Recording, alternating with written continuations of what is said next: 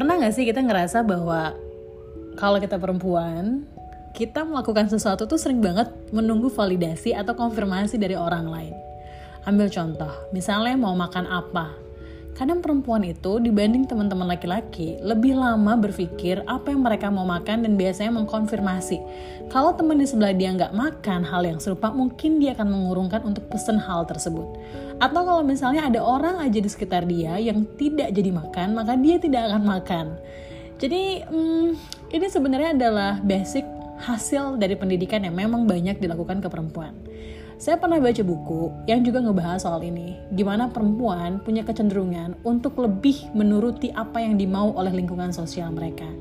Mereka bakal susah untuk menentukan apa yang sebenarnya mereka mau. Dan kadang-kadang hmm, perempuan itu punya kecenderungan untuk meragukan keputusan-keputusan yang mereka buat. Kenapa ya? Karena sejak kecil mungkin kita terdengar um, biasa gitu ya mendengar hal yang biasa. Kalau misalnya anak perempuan pengen melakukan sesuatu mereka harus confirming dulu ke orang tuanya.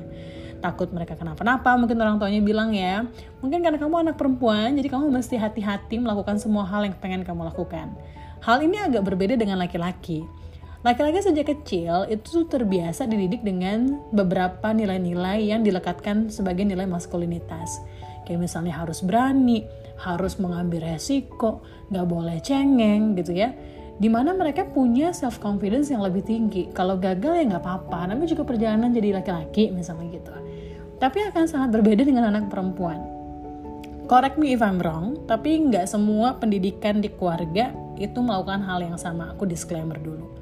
Karena ada beberapa orang tua yang mungkin udah banyak membaca hal-hal parenting, yang mungkin sudah membaca apa dampak dari sistem pendidikan yang tadi ya, yang sangat gender bias yang menyebabkan mereka punya metode parenting yang lebih moderate yang lebih memperhatikan bahwa ya anak laki-laki ataupun anak perempuan punya nilai yang sama-sama bagusnya yang harus diterapkan gitu. Jadi mereka kelak kalau tumbuh jadi orang dewasa, mereka akan sama-sama berani, sama-sama punya self determination yang tinggi, sama-sama punya self driven yang tinggi gitu ya yang menyebabkan mereka ya berani untuk ngambil keputusan, berani ngambil resiko, berani memilih kehidupan mereka sendiri.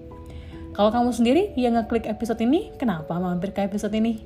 Apa kamu juga lagi bingung? Karena kok rasanya saya ini perempuan, tapi kok saya nggak bisa menentukan kehidupan saya sendiri ya? Kayaknya saya tuh hidup atas dasar omongan orang lain. Atau atas dasar pertimbangan orang lain. Atau janjian kamu laki-laki yang lagi bingung juga karena mungkin punya pacar, punya adik, atau punya teman perempuan yang kamu rasa kayaknya dia berpotensi tapi tidak berani untuk ngambil keputusan untuk kehidupan dia. Tapi apa pun itu alasannya, semoga dengan episode kali ini kita semua sama-sama mengempower perempuan untuk berani mengambil keputusan atas kehidupan mereka sendiri. Dan siapa pun itu, baik laki-laki maupun perempuan, kita punya kesempatan yang sama untuk mendapatkan apa pun yang kita inginkan dalam kehidupan kita. Kehebatan, prestasi, kesempatan, bahkan kegagalan.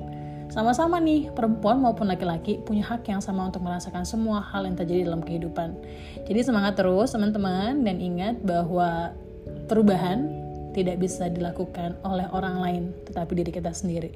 Jadi kalau teman-teman pengen ada perubahan terkait hal ini, mulailah dari diri teman-teman sendiri.